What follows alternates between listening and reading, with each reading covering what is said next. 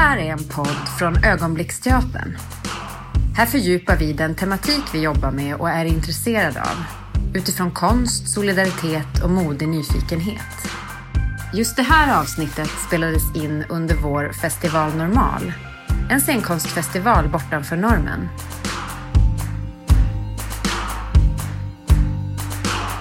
Men då vill jag hälsa alla varmt välkomna till Festival Normal och den här programpunkten som heter Vem tar bollen? Ett samtal om vägen till jämlik scenkonst. Och det här samtalet är ett samarbete mellan Ögonblicksteatern, Funktionsrätt Västerbotten och Kvinnohistoriskt museum. Och med det så lämnar jag över ordet till Camilla Björnehall. Ja. Hej, det är jag som kommer vara moderator för det här samtalet.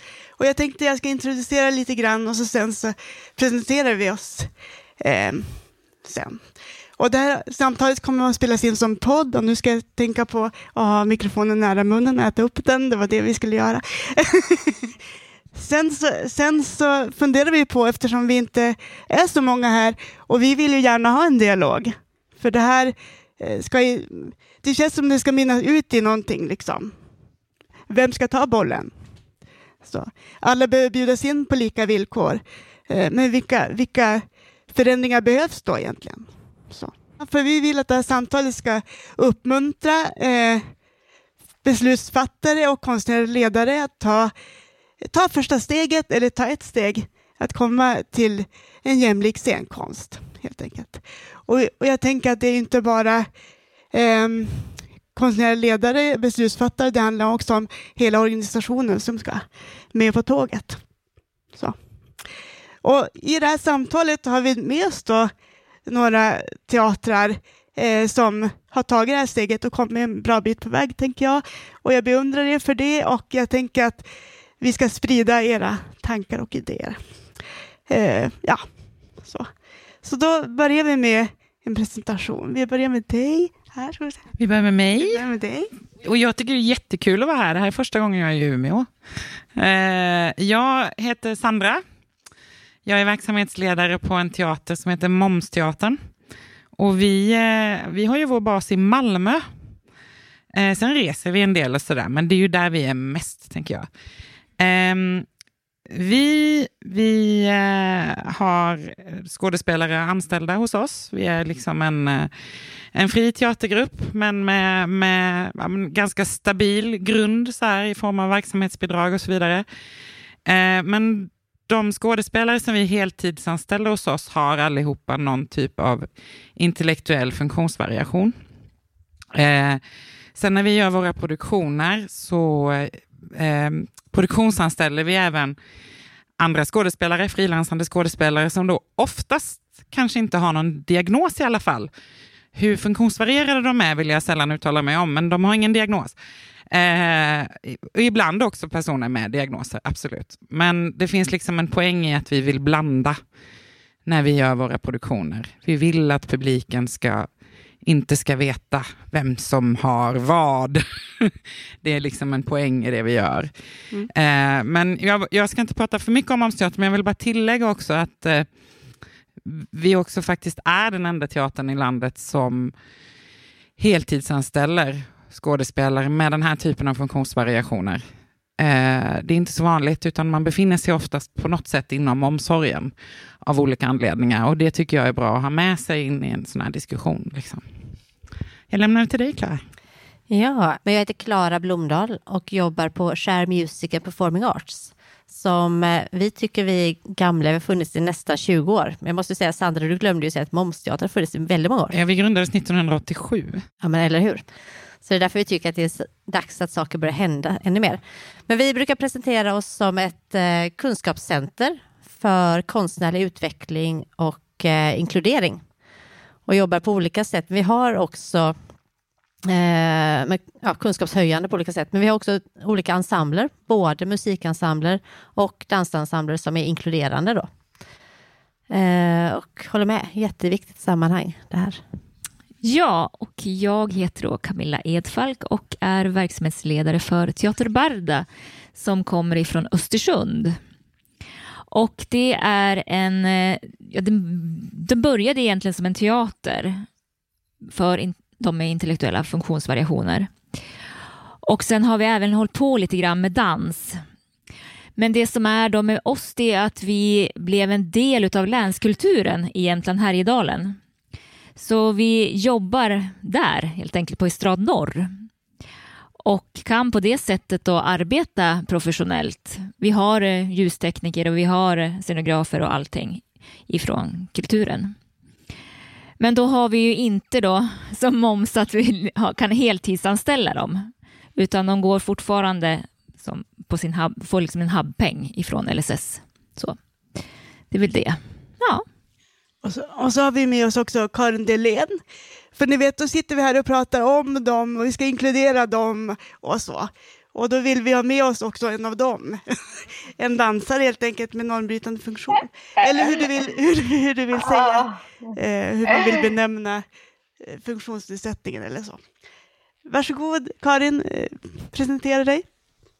Tack, tack. Uh, ja, Karin Delén heter jag och jag har jobbat med Shell Music and Performing Art sedan 2012 ungefär.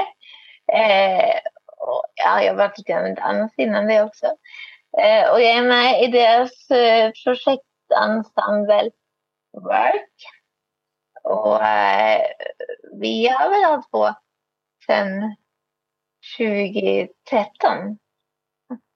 Och gjort olika föreställningar, tre olika föreställningar.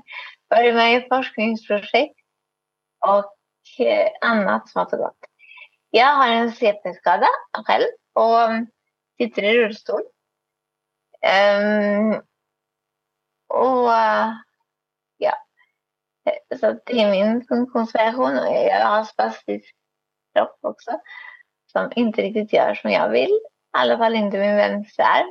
Den gör definitivt inte som jag vill utan precis tvärtom. Så det är spännande att dansa på det sättet. Eh, men eh, jag, jag håller också på med, eller jag ganska, under två, tre års tid, två års tid, har jag hållit på även att, eh, att leda workshops och, och eh, studiecirklar och annat smått och gott um, för inkluderande dansgrupper. Och workensemblen är en inkluderande ensemble.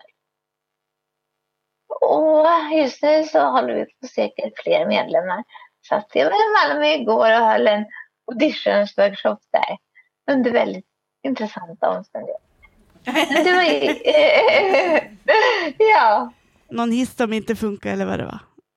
Ja, exakt. Det var lite strömlöst hus och lite dö och dörrar som gick på batteri och en hiss som kanske fungerade och just. Ja, just det. Så det, det är spännande. Men eh, vi hittade andra jättefina lokaler som Månsteatern har här också. Mm. Ja. Det är bra att vi Så hjälps åt, eh, eller hur? Ja, ja. Så det var underbart. Ja. Yes. Tack så mycket Karin.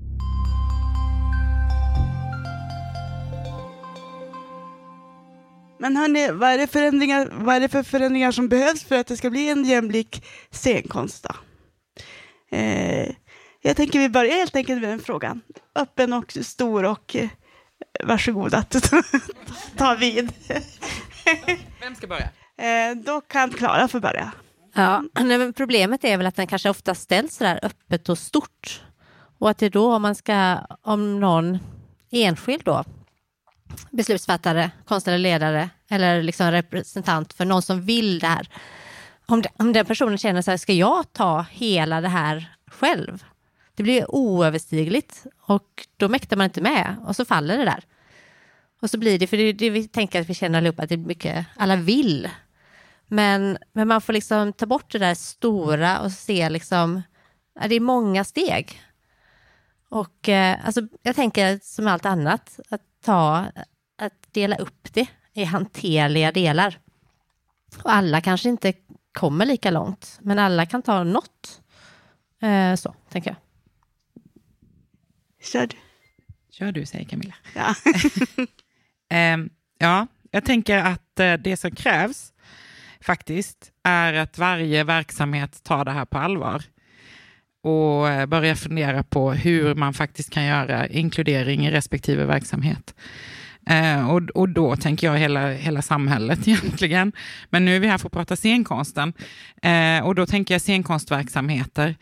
Eh, det är väldigt tydligt för mig att det faktiskt har rört på sig lite de senaste åren när det kommer till att tänka liksom mångfald och normbrytande och sådär på teatrarna till exempel. Um, och när jag säger teatrarna så tror jag att jag menar mycket institution, kanske institutionerna mer än den fria kulturen. Liksom. Det vill säga att man har jobbat aktivt att i sina ensembler ha skådespelare som kanske inte nödvändigtvis är vit medelklass att vi ganska länge har jobbat för att inte alla dramatiker och regissörer är män. Mm. Eh, och så vidare. Jag tror ni känner igen det här. I de här stegen som vi tar för en större mångfald inom scenkonsten måste vi tänka personer med funktionsvariation. För de utesluts konstant ur det tänket och ur de resonemangen och ur de liksom steg man tar. Och nu är det dags att börja fundera på hur det ska gå till. Jag brukar säga att jag har spenderat typ 15 år åt att prata varför. Varför finns Momsteatern? Varför är det viktigt att ha normbrytande skådespelare? Eh, varför borde det vara en demokratisk självklarhet för, även för, för en konstnär med funktionsvariation att inkluderas i det professionella scenkonstlivet och så vidare. Jag tycker att vi slutar prata varför och så börjar vi prata hur. Och då måste varje verksamhet bestämma sig för, nu gör vi det här och så tar vi reda på hur och så kör vi. Det var väl lätt? Ja, eller hur? ja, precis. Och just eh, nu när vi är inne på det här hur då. Eh, jag tror också att det är viktigt att tänka att, som Klara var inne på, att man måste ta det steg för steg för att det blir för stort om man tänker åh, nu ska vi ta oss an och så har man den där rädslan kanske. Det är nytt, det är en ny marknad lite grann. Hur ska vi ta emot det här? Hur kommer det gå? Eh, kommer det innebära jättemycket arbete? Och det kommer massa frågor som dyker upp bara så. Eh, när vi startade då var det ju lite grann så att det bara blev en han som var scenkonstchef helt enkelt på Länskulturen bestämde sig för att ja, vi kör på det här. Och eh, då blev det bara två stycken som blev anställd för verksamheten som skulle komma in. Och det krävdes liksom inte så mycket egentligen till att starta och våga. Det fanns någon som kunde ta hand om att det fungerade runt omkring och sen någon liksom som jobbade, en regissör eller någonting. Och det är väl det tror jag, att man liksom vågar ta det där steget, att det behöver inte vara så stort och främmande, utan ta det där steget och våga helt enkelt, prova. Så känner jag väl, ja. Karin, vad säger du? Vilka förändringar behövs som utifrån ditt perspektiv som scenkonstnär eller dansare? Ja, allt ni har sagt hittills, äh, måste jag säga. Men, och, och sen så mm, think outside the box. Att äh, tänka utanför vårt vanliga tänk. Att försöka ändra synsätt och på så sätt skapa nya normer i, i, i hur allting fungerar. Och anställningsformer och sådär också kanske behöver vara annorlunda. Och det finns ju hjälp att få.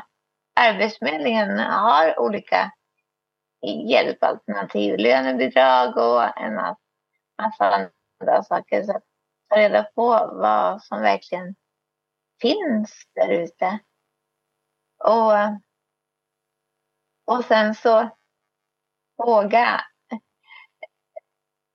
våga, våga fråga oss som det gäller. Vad, vad behöver vi? Det kanske inte är så mycket som behövs egentligen. Utan det kanske bara behövs att, att man får chansen att komma få en intervju och få, få ett jobb. Och, men trygghet i sig själv, att man faktiskt faktiskt är professionell och eh, kan, kan erkänna det för sig själv och då måste det finnas utbildningar som man kan gå, vilket inte finns heller nu. Eh, så att det måste till. Det kanske måste till en daglig träning som är anpassad till olika kroppar och olika funktionsvariationer. Ehm, det behövs, och för att man ska få till det så behövs det förebilder.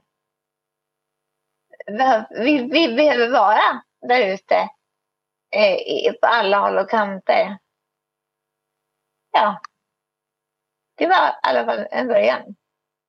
Det var ju du och jag Karin som pratade här lite inför om att vi, vi, eller, vi pratade om Aron Andersson, han äventyraren som använder rullstol och har klättrat upp, ja. klättrat upp på, på, om det var, jag sa K2 igår men jag tror jag är Kebnekaise. ja. Det var högt. Ja, det, var högt. det är i alla fall ett högt berg och han har, har med sig rullstolen liksom släpande efter sig som jag upplevde när jag mm, tittade på det. Mm, mm. Eh, eller så pratar vi om David Lega som är nu toppolitiker i EU. Och liksom, det ska alltid vara de här som har, de har nått högst upp, de, har, de syns, de finns. Var är de vanliga? Var är de vanliga människorna? Ja, liksom. ja, exakt. Det måste finnas plats för alla sorters eh, olikheter och man måste eh, se hur vi kan komplettera varandra. Mm. Eh, precis som du säger så är det kanske de som fortfarande har, har full rörelseförmåga i, i överkroppen eller som kan styra hela eller kroppen ganska normalt som faktiskt syns också i andra som eh, har mer hinder måste också få här. Mm. En större variation. Få synas. Mm. Men då kommer nästa fråga här. Vad var det som gjorde att ni vågade ta steget som teater och scenkonstnär? Um, att ta det här steget som, ni pratar om, som vi pratar om nu, att, att det behövs för jämlik scenkonst. Eller att alla ska kunna bjudas in. Då börjar vi med Camilla den här gången. Då. Ja, vi hade ju den turen kan man ju säga lite grann, att eh, det var en, en eh, scenkonstchef som var intresserad och en eh, som arbetade på kommunen med daglig verksamhet som ville starta en, en teaterverksamhet helt enkelt. Och pratade med scenkonstchefen på länskulturen. Och eh, genom det så blev det liksom en start av det hela. Och det började ju som ett projekt under tre år. Och när de där tre åren var klara och de hade jobbat mycket och gjort bland annat Dunderklumpen, en stor produktion, så var det ju liksom så fantastiskt och alla tyckte det var så bra. Så då blev det ju ett politiskt beslut helt enkelt att våran teater skulle finnas med i länskulturen och vara en del utav det. Så att det var ju tack vare de två personerna egentligen. Mm. Ja, alltså Share Music, vi, kan ju, vi är ganska spretig verksamhet kan man väl säga. Ni kan gå in och titta på vår hemsida får ni se att vi jobbar ganska brett. Men från början då för 20 år sedan då var det en kursverksamhet som utgick från Västra Götalandsregionen inkludering inom musik, eh, kan man väl sammanfatta det med då. Men jag tror att det är så här att vi som jobbar med de här sakerna, alltså ju mer man jobbar med det, ju mer ser man att här borde vi in och här borde vi in och där borde vi in. Och så försöker man liksom hitta andra att jobba med och mot det här gemensamma målet. Och det var därför vi jobbar nu då på alltså många nivåer samtidigt. Men om man pratar specifikt om, om eh, ensembleverksamheten så det är också ett sätt att det där lite moment 22 som Karin nämner. Att, att man måste synas på scenen men det finns ingen utbildning och hur kommer man då upp på scenen? Då får vi liksom, vi ta tag i det på något sätt. Och de här inkluderande, vi jobbar ju ganska aktivt med våra ensembler också för att skapa repertoar. Till exempel musikensemble för musiker som kanske har iPad som instrument. Det, och då, då behöver vi liksom, ja men det som inte finns, då behöver vi skapa det som finns. Alltså få kompositörer att skriva musik för en ytterligare instrumentgrupp kan man väl säga då, till exempel. Så att eh, ja, vi försöker fylla de luckor som vi ser att finns. Ja. Mm, jag, oh, jag tänker så många saker. Eh, Prata på du, det kommer jag, jag pratar på så får du stoppa mig. Ja, det är Okej, så Momsteatern eh, började som en eh, studiecirkel och det är typ 30 år sedan då.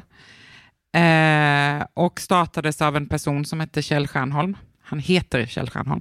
Eh, tillsammans med Studieförbundet Vuxenskolan och då var det ju liksom som en fritidsgrupp sådär. Och så växte det och blev större och så blev det en daglig verksamhet och sen var Momsteatern en daglig verksamhet fram till 2008, nej 2006 hade vi, vi hade två övergångsår där innan vi liksom blev fullt ut en, en kulturplats och inte en omsorgsplats. Ehm, men det som var viktigt från början och fortfarande är, det är så här, daglig verksamhet funkar så här att man, man, man har en verksamhet för de deltagarna som är där. Det vill säga man, målsättningen är att ha en sysselsättning som är meningsfull för de personerna. De ska utvecklas då till exempel genom att göra teater. Eh, Momsteatern satsade från början på att publiken är målgruppen. Eh, det vill säga det som sker på scenen ska ha så hög konstnärlig kvalitet som vi mäktar med. Och sen är det liksom publiken som ska lära sig någonting. De ska få en upplevelse, de ska för, kanske till och med få en insikt om någonting. Liksom. Och det har ju följt med oss hela vägen. Eh, och jag tänker att, att varför idag, varför vi är en teater, handlar ju faktiskt om, om det som du också var inne på här, Karin. Du sa något i stil med din ena arm gör, beter sig inte så som du tänker, men det är ju spännande. Mm. Och det är ju exakt det, det är ju spännande. Ja. Det Ja, händer ju någonting. ja. Det händer ju någonting när du arbetar med en skådespelare som är normbrytande på olika sätt. Och det tillför någonting. För att jag tycker ofta att liksom samtalet är så här, Mm. oh, tänk om det sänker kvaliteten. Och vi resonerar ju alltid att det höjer kvaliteten. Därför att det är annorlunda, därför att det är något Ja. nytt, därför att vi gör något annat. Eh, och det tycker jag liksom fortfarande är den bensin vi går på. Liksom. Och du Karin? Om du får samma, Ja. samma fråga. Jag vill, alltså det är viktigt att se att, att olikheter behöver inte vara dåligt utan det kan vara någonting bra också. Eh, som sagt var, jag var inne på att man komple- kompletterar varandra. Och man, en rullstol kan man ju röra sig på ett helt annat sätt med än, eh, än om man går. Och om man då sätter ihop en gående med rullstol så kan det bli riktigt spännande. Eh, Vad var, det som, vad var det som fick dig att ta steget eh, och, och bli dansare? ja, vad var... Ja. Eh, ja, mitt brinnande intresse och min nyfikenhet eh, var det som fick mig att ta steget. Och eh, min passion för att, ja, att dansa, men också eh, att få chans att arbeta med She Music som har det synsättet som de har, att, att, att alla ska kunna stå på scenen och att man, ska, att man blir tagen för den som man är. Um, och sen så har jag ju fortsatt och utvecklat det hela själv och det har jag gjort för att jag har fått chansen att vara med i så många olika sammanhang genom She Music. Ehm, så att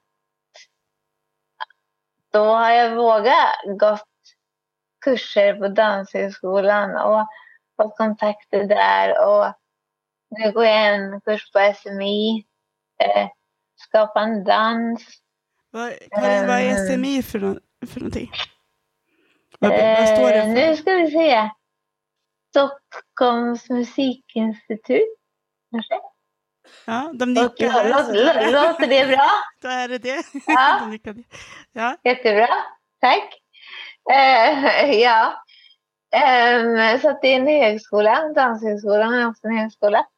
Eh, och det började komma ut lite fristående kurser där som var, in, som var inriktade på just eh, först koreografi med, för personer med funktionsvariationer. Så att man skulle få lite, lite djupare förståelse för dans. Så att det måste man också ha för att kunna arbeta med dans på ett professionellt sätt. Och, och, och, så att det blir kvalitet av det. Um, och då gick jag två sådana eh, fristående kurser. Och sen så kom det en kurs i mm, ja, didaktik. Alltså att lära ut. Och då vågade jag ge mig på den efter att, att ha gått eh, en, en kurs som workshopsassistent med She Music. Som, ja, så att, och sen så gäller det att få ut och prova. För att det är först när man är ute i verkligheten som man verkligen ser vad, vad det är som krävs. Eh, man kan läsa hur mycket som helst på högskolan och sen så ändå stå där som ett UFO. När man väl kommer ut och ska möta, jag ska möta grupper eh, och andra personer och sådär. Så Mm. man måste hela tiden, du måste finnas någonstans och prova sig fram. Mm. Eh, jag vet inte om jag har svarat på frågan. Jag, jag jag har försökt. ja.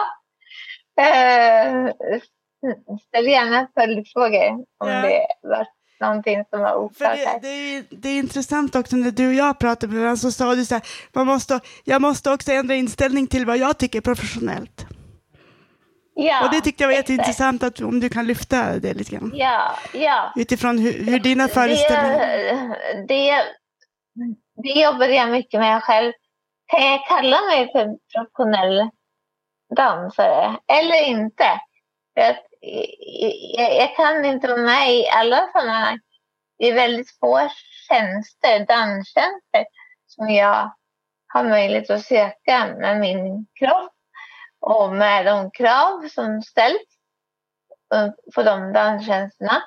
Så därför var jag inne på att man måste verkligen också se över vilka, vilka jobb det finns och kanske tänka om lite grann där. Um, och hitta fler ingångar till, till att, att skapa inkludering och, och arbetstillfällen och professionalism. Och, och, och också, som du sa, att, att ändra, ändra synen. Vad är professionellt? Och hur ser en professionell danskropp ut? Eh, eh, och hur, hur rör sig en... Nu, nu pratar jag om dans i och med att det är det jag håller på med. Mm. Så att, eh, det gäller väl samma sak inom alla områden. Scenskapande. Um, men eh, att, att ändra normen. Och för att ändra normen så måste vi få alla med på spåret. Då, då måste vi synas. Synas där.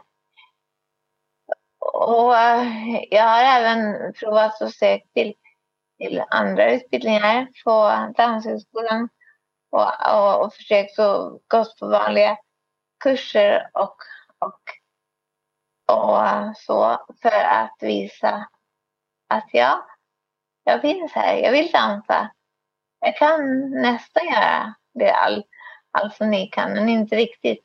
Det som jag inte kan göra, det gör jag på mitt eget sätt. Och, och på så sätt så, så får ju fler eh, en aha-upplevelse. Har jag, har jag förstått utifrån min medverkan. Um, att ja, men du kan ju du också. Fast du har en rullstol. Och du gör det på ett helt annat sätt. Men det känns ändå genuint och professionellt. Mm, det, Mm det, jag, Mm. det jag har att bidra med. Mm. Så att, ja. Ja. Tack. Ja. Tack så mycket. Um, då ska vi se. Ehm, då till, till er som är teatrar så, så tänker jag så här. eh, det är mycket, mycket tankar kring hur mycket kostar det? Blir det längre processer? Vad händer liksom om man skulle ta in scenkonstnärer som, som har normbrytande kroppar? Eller, ja, hur blir det? Blir det annorlunda i arbetet liksom? Påverkar det arbetet på något sätt? Och då är min fråga så här. Eh, vad är skillnaden i, repet- eh, i repetitionsprocess med en, en, ensemble med normbrytande kroppar? Vad är skillnaden från en eh, vanlig, normal repetitionsprocess? Inom parentes. Då börjar Sandra. Börjar jag och jag började så här tänka, har jag funderat på Ja, jag såg att du tänkte så tänkte jag. så. Du kan få börja. Eh, vad är annorlunda? Så här, eh, nu har vi ingen, eh, ingen skådespelare i vår ensemble hittills eh, som har någon stor fysisk funktionsvariation, eh, det vill säga vi har till exempel ingen i rullstol, för det finns ju rent fysiska krav som ställs på en arbetsplats menar jag. Mm. Eh, och de har inte vi, vi behövt eh, att ta jättestor hänsyn till ännu faktiskt. Eh, utan vi jobbar ju specifikt som sagt med personer som har intellektuella funktionsvariationer. Mm. Det finns väl speciella grejer i vår process, men det handlar väldigt mycket om processen. Vi repeterar åtta till nio veckor, fem dagar i veckan, sex timmar om dagen ungefär. Jag tänker att det är som det är på de flesta teatrar. Det är ingen skillnad där, för jag tror en del tror att vi måste hålla på i ett år med en produktion, men det gör vi absolut inte. Eh, utan det handlar om att liksom hitta ett system av anpassningar, för oss gör det det, i repetitionsarbetet. Um, och de anpassningarna kan, handlar oftast om att det finns stödpersoner runt skådespelarna. Det är så vi har löst det. Eh, och de stödpersonerna jobbar kanske med, med att eh, eh, textrepa tillsammans med skådespelarna. Eller det behöver inte nödvändigtvis vara text, men ni vet det kan vara liksom rörelser som behöver mängdrepas eller något i den stilen.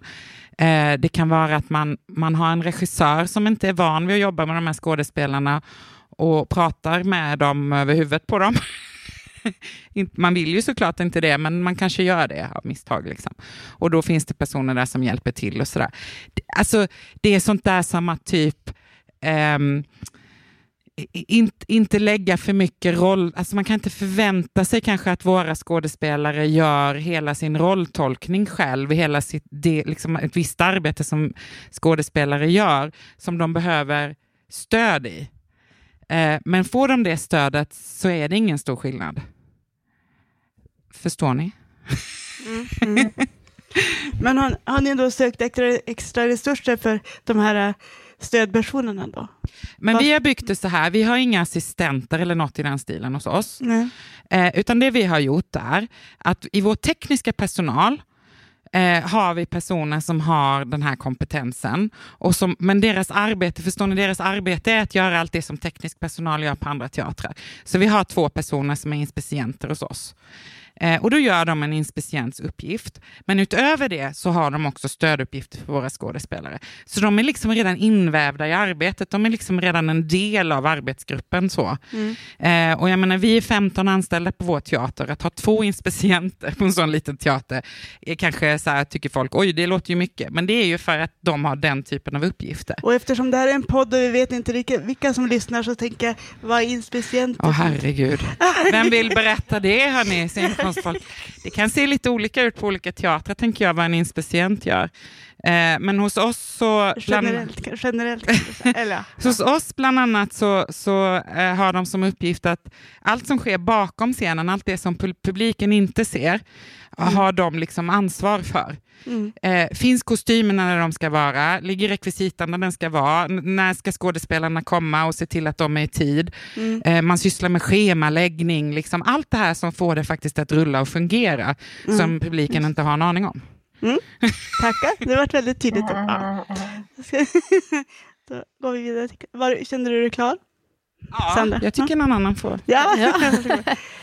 Ja, nej men alltså jag tänker det är väldigt beroende på vilka individer det är. Alla har liksom olika, det är som vi andra vanliga, liksom. en del är morgonmänniskor, en del är kvällsmänniskor och så, och så vidare. Mm. Men generellt kanske lite längre pauser kan det vara frågan om. Eh, kanske Ja. ett eh, rum som man kan gå in och liksom, ja, vara själv Mm. eh, en period. Sådana saker. Men liksom, det är det där runt omkring grejerna, inte, inte de konstnärliga delarna, utan runt, omkring praktiska saker. Det Mm. kan också vara om man åker iväg och turnerar, att liksom det, där, ja, men, det kan vara assistenter som ska behöva rum och alltså mycket, mycket sådana saker, boende och transporter som måste dubbelkollas och trippelkollas eh, för att det ska bli bra. Mm. Eh, men en annan sak jag tänker på som vi har råkat ut för flera gånger, det är att om man ska ta till exempel eh, föreställningsbilder, film eller foto, att vi skriver in i våra avtal då att man liksom ska, det låter kanske töntigt, men ta på alla. Eh, Det finns en del fotografer som är ovana, det är ju den här blicken, vem står på scen, vem är representerad? Och ibland kan det komma liksom så här, nej men den här typ huvudrollspersonen är ju nästan inte med på bild. Utan, och då är vi så här, alla, alltså det vi, det är artister och alla ska synas. Det ska liksom inte vara från konstiga vinklar bara för någon råkar se annorlunda ut. Mm. Så att, eh, ja, det är på många sådana plan. Mm. Mm. Ja, och eh, jag instämmer väl här. Alltså, vi har inte heller någon längre repetitionstid. Den ligger på runt 8 till 10 veckor. Vi har bara faktiskt tre dagar i veckan som vi repeterar. Eh, och det enda som är, det är ju kanske att det, man kan behöva lite texthjälp, eh, att sitta och traggla lite grann och få lite stöd så. Och eh, det är ju jag oftast då som går in och hjälper till. Så vi, det är inte någon, många personer som behövs. Så vi har ju ingen speciellt så som är anställd för den biten, utan det blir jag som ser till att allting fungerar helt enkelt runt omkring. Eh, och eh, så att i det konstnärliga så är det ingenting annorlunda. Utan det blir ju att det faller lite grann om man åker ut på turné som vi gör. Det kan ju vara mediciner och sådana saker som man måste hjälpa till med. Och, ja, det som är praktiskt runt omkring bara. Mm. Vi pratade, när vi pratade också före, så pratade vi om att, att ni var väldigt noga med att se varje individs behov. Att ni pratade med dem, så här, vad behöver du? Och då satt vi och, vi hade ett Zoom-möte kring det, eller inte, inte just kring det, men före samtalet. Och då eh, så kom vi fram till att så här skulle det funka på alla arbetsplatser egentligen. Så här. Om, om alla fick säga så här, ja, hur, hur, hur behöver du ha det för att du ska eh, vara bäst, alltså ditt bästa jag på jobbet. Det skulle ju alla behöva. Och hur har ni tänkt när ni, när ni ställer de frågorna? Vad ställer ni då för frågor liksom? Eller, förstår ni hur jag menar? Ja, jag kan bara säga, vi inför varje produktion och nu jobbar väldigt många med, mycket med normalstörda då, om man säger så, skådespelare som är med och då har vi alltid innan vi startar upp så frågar vi alla, vad behöver du? Vad, vad, är, vad har du för liksom, krav eller vad man ska säga, hur fungerar du? Vill, och då visar det sig liksom att alla har ju vi våra egna. Jag kanske också vill ha ett rum och gå och vila och ta det lugnt innan jag ska gå ut på scenen eller någonting sånt där. Så det blir oftast inte så märkvärdigt och annorlunda om man jämför mellan våra skådespelare i Teater Barda med då andra skådespelare. Så att det är väl de, det är bara en öppen fråga helt enkelt. För hur, vad känner du att du har för behov av och vad vill du göra? Ja, jag håller med. Bara, och sen det där som du sa också innan, att om det är mediciner och sånt, som, alltså saker som är väldigt viktiga, då, då får man ju ha ett särskilt protokoll så att det, så att det alltid följer med. Mm. Så att det, det inte glöms bort, så att säga. Mm. Men prata. Jag, jag tycker att det viktigaste är det man upptäcker i processen faktiskt. Det vill säga, eh, folk vet inte alltid om vad de har för behov faktiskt. Eh, det finns vissa saker som du vet direkt, kanske så här typ att ja, men jag behöver ett rum där jag kan gå undan när det är paus för att jag klarar inte av både arbetet med repetitionerna och att vara supersocial i pausen. Ja, men då fixar vi det. Lite så praktiska grejer. Men sen är det liksom i, i den konstnärliga processen, i repetitionerna, i liksom, så handlar det om att lära känna de här individerna. Mm. Eh, eh, vi ser ju att det tar några år för en skådespelare hos oss att liksom komma dit. Och det handlar både om att lära sig förstå yrket eh, och oss att lära oss att förstå varandra. Liksom. Vad, vad, är, vad finns det för behov här? Mm. Så att det handlar om att lära känna. Men jag tycker det här med att verkligen, verkligen att det handlar om individer, det får vi inte glömma bort i den här diskussionen när vi pratar om att förändra kulturlivet. Mm. Att eh, det finns liksom ingenting som teatrarna där ute kan göra eh, tycker jag, superförberedande, utan de behöver hitta personen och prata med den. De behöver prata med individen och, och upptäcka dens behov. Liksom. Mm. Mm. Och då tänker jag, Karin, när du och jag pratade förut, så, så sa ju du att du har ju, du har ju gått kurser och eh, sådär, och att du har känt att du har blivit med, väl omhändertagen där, man ska säga, eller bemött på, Mm. på de, som, de kurser också som inte är anpassade, utan, utan att du bara har gått dit och nu är jag med i den här, i den här kursen. Eller Ja. sådär. Ja, Eh, ja. men, men sen sa du också, och det är ju jättebra att, redan, att den känslan redan finns också ute, tänker jag. Så att eh, det pågår ju liksom. Men, men du sa samtidigt också att men du aldrig vågar söka ett professionellt jobb. Du går gärna Nej. kurser och så, men att söka jobb sen, det är lite mer också. Ja, det, det, det är någonting annat. Det, det var det jag var inne på förut. Att för att kunna se mig själv som professionell och våga ge mig ut på arbetsmarknaden eh, så måste jag ha ett självförtroende. Och det måste jag bygga upp genom att jobba med, få, få chansen att jobba med det i praktiken. Ehm, att få prova mig fram i olika sammanhang och se att jag faktiskt klarar av det jag har läst Mm. och det jag har hört och, och sådär. Och då Och- ja, förlåt. Ja, Mm. fortsätt. fortsätt. Fortsätt, om det var något mer du ville säga. Eh, ja. Eh, nej, ja, du För jag ställa. ville, jag ville leda in Mm. dig på det här med, vi vill prata om jobbannonser då, hur de skulle se ut för att du skulle ens vilja söka Ja. jobbet eller våga Ja. söka jobb. Ja. Hur ska jobbannonserna se Ja. ut för att vi ska få kroppar som inte är normativa?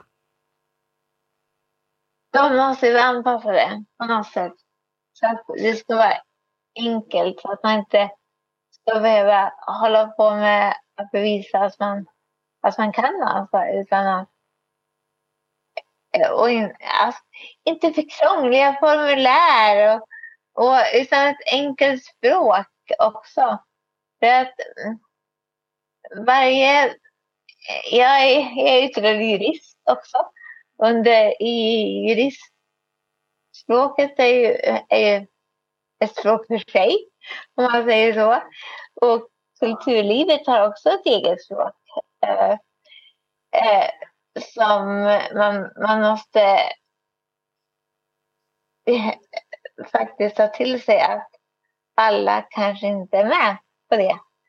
Så att man använder vanliga ord och så att man förklarar eh, vad, vad orden betyder. Precis som eh, ni gjorde idag.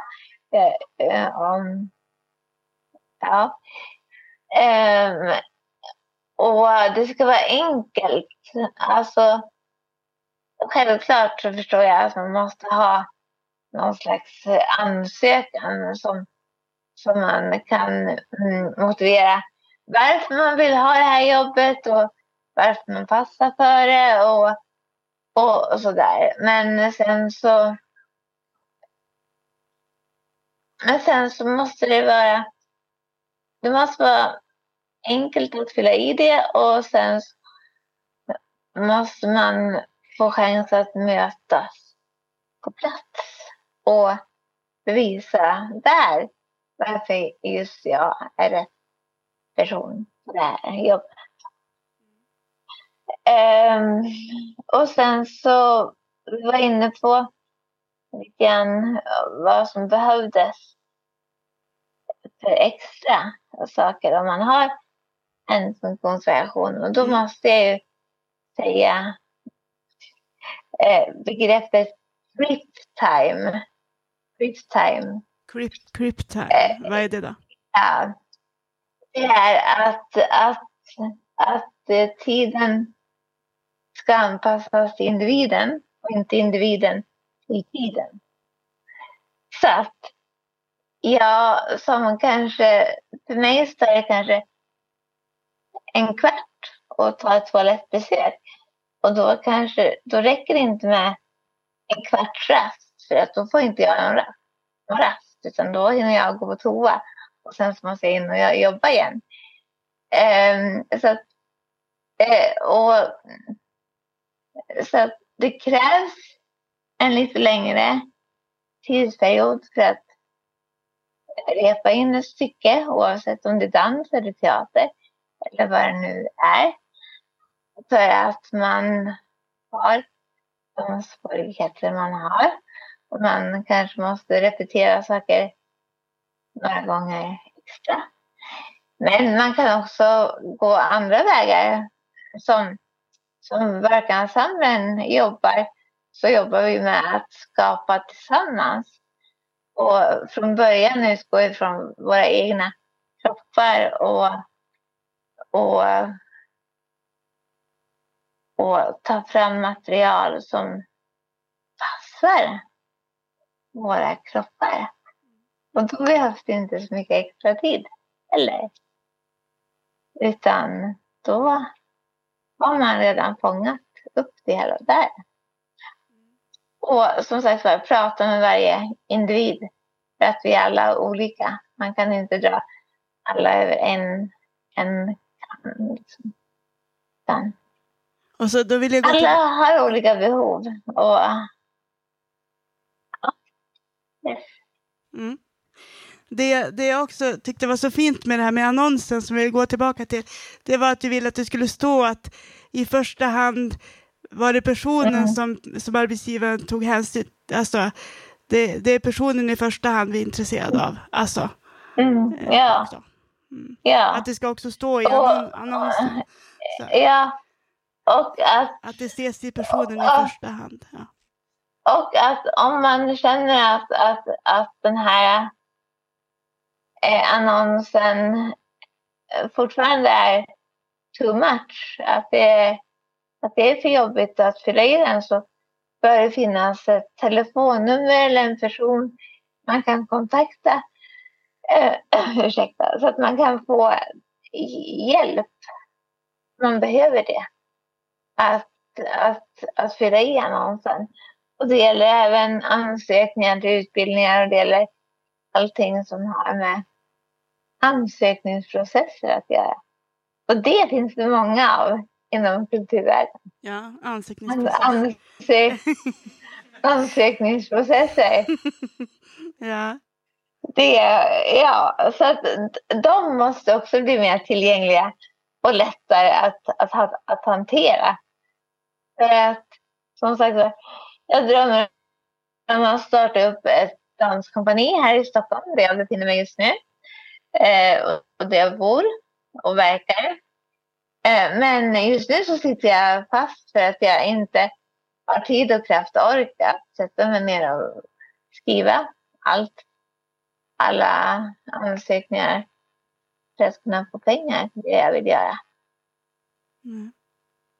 Och jag, jag vet att det är ett problem för alla som jobbar inom branschen. Men ja, det blir ett ännu större problem för mig som skriver med munnen, med munskena i munnen på en dator som ja, Mm. tar lite längre tid. Mm. Så att underlätta på alla håll och kanter så blir det bra.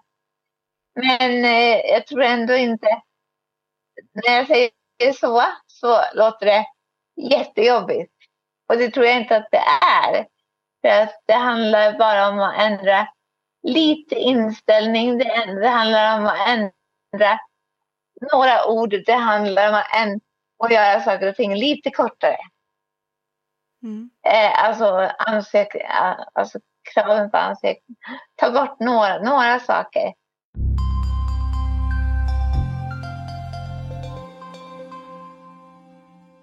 Då har vi en fråga här. Bare en liten replikk til det hun sier, som jeg tenker er veldig viktig. Eh, og jeg tenker at Det er mange som kan kjenne på det, akkurat det med å skrive søknader.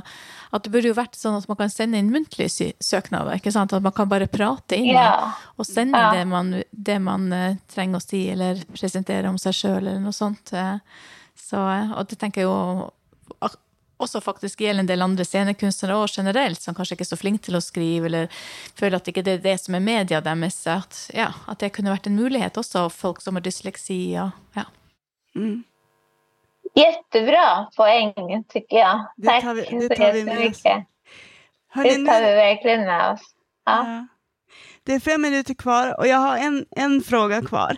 Och så sen hade vi en liten tanke Eh, Karin och jag lyfte det när vi yeah. pratade tillsammans om att skapa, jag säger bara det så har vi sagt det, och så vill jag ställa den andra frågan också bara. Eh, att vi vill skapa ett nätverk för, för eh, konstnärer, kan man säga, eller scenkonstnärer med normbrytande funktion. Eh, så. Och där ska, i det nätverket ska det också ingå personer som som är intresserade av frågan och eh, liksom, som jobbar med samma, inom samma område. Eh, ja. Så vi gör en shout-out om det här och ska fundera vidare på plattformar och grejer. Eh, men bara nu finns det på podden och det, tar, det försvinner aldrig. Så nu har vi sagt det nu har vi sagt det. Eh, det jag tänkte bara som, som sista fråga, nu kanske jag, men ehm, nu ska vi se här. Eh, är det ökade kostnader för en produktion som har scenkonstnärer med normbrytande funktion? Är det ökade kostnader för produktionen? Och egentligen Nej. har ni... Okej. Okay. Mm. ja. det var ett bra svar. Det beror väl på om du behöver bygga om lokalerna kanske. Ja. Eh, eh, så här, våra skådespelare eh, har precis som i prins, alltså, de flesta som har en funktionsvariation har rätt till lönebidrag från Arbetsförmedlingen. Det har alla våra skådespelare. Eh, de lönebidragen använder vi ju för att kunna ha den här extra personalen som behövs.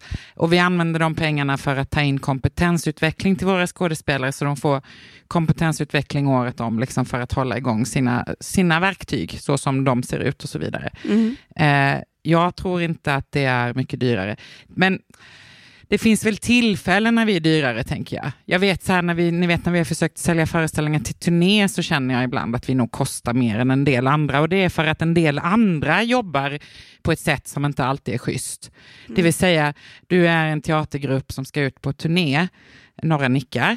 Man är kanske fyra skådespelare och en tekniker och de där skådespelarna går ju in och liksom bygger och river och bär och har sig, eller hur? Det gör inte våra. Men däremot så behöver vi, bygger det vill säga, teknik och så vidare. Utan då har vi med, och vi kräver att ha med en extra person som turnéstöd när vi turnerar. Därför att våra skådespelare fixar inte att gå ut och, och hitta en restaurang och ni vet allt som händer liksom utanför arbetstid, utan då behöver det finnas en stödperson mm. som kanske inte är då vår stackars tekniker som ska jobba 24-7 liksom när vi är iväg. Eh, så då blir vi ju dyrare, för då kostar det mer ni vet, så här, i hotell och resor och hela så. Så det finns ju tillfällen, eh, men det tycker jag det tycker jag det får vara värt, för det första. Och för det andra så är det som jag alltid tänker i sådana här sammanhang, det är ju inte vi som är Alltså det är ju vi som gör rätt och ni som gör fel. Lite så. och det blir bättre konst. De får, de får ju... Alla mår bättre. Unik, unik konst får man också. Eh, vill, jag vet inte, eh, Sara Kajsa, två minuter kvar.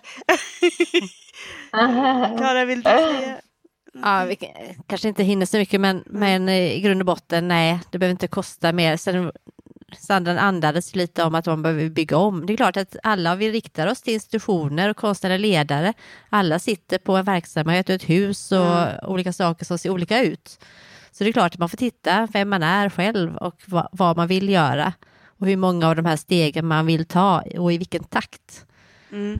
Så. Skitsamma, förlåt Klara, men det ska ju vara tillgängligt i vilket Ja. fall som helst. Kom igen! Vi ska inte stänga ute folk på grund av att det behövs en ramp liksom, eller något. Det håller jag helt med om. Och det är ju sådär, så fort du bygger om, så även om du inte riktar dig specifikt till någon annan än dig själv, så är det klart att du måste följa byggnormer. Men det är det inte alla som gör tyvärr. Kan vi ju också... Att... Men men, det ska gå. Ja, Så kan vi helt. Ja, nej, jag håller med. Det behöver inte kosta något mer direkt, utan det är... Och då finns det extra resurser att söka någonstans ifrån för de här extra kostnaderna som uppstår. Ja, Det gör det. Och även om du då tar ditt ansvar och bygga om, så Ja. kan du söka pengar för det också. Ja, just det. Det blir Ja. väldigt bra. Ja, Kari, vill du tillägga något? nej men eh, det, det är som jag sa. Eh, Man måste ju kolla runt vad det är som finns. Ja. Och ofta så hittar man någonting. Ehm, ja. Men, men kanske också att, att, eh, att de man söker pengar hos som Konstnärsnämnden och alla, alla, alla, alla ja, eh, kulturstöd och allting sånt eh, kanske måste titta på den här lifetime-tiden och förstå sig på den lite extra. Ja. Att man förstår att det kanske, kanske behövs lite extra pengar. Men som sagt var, det är det värt i slutändan. Det blev ett bra slutord det tycker jag. Tack så mycket Ja. för att ni lyssnade, Ja. ni som är här. Och tack till panelen. Det var jätteintressant och roligt att lyssna. Tack så mycket. Tack så mycket. Tack så jättemycket.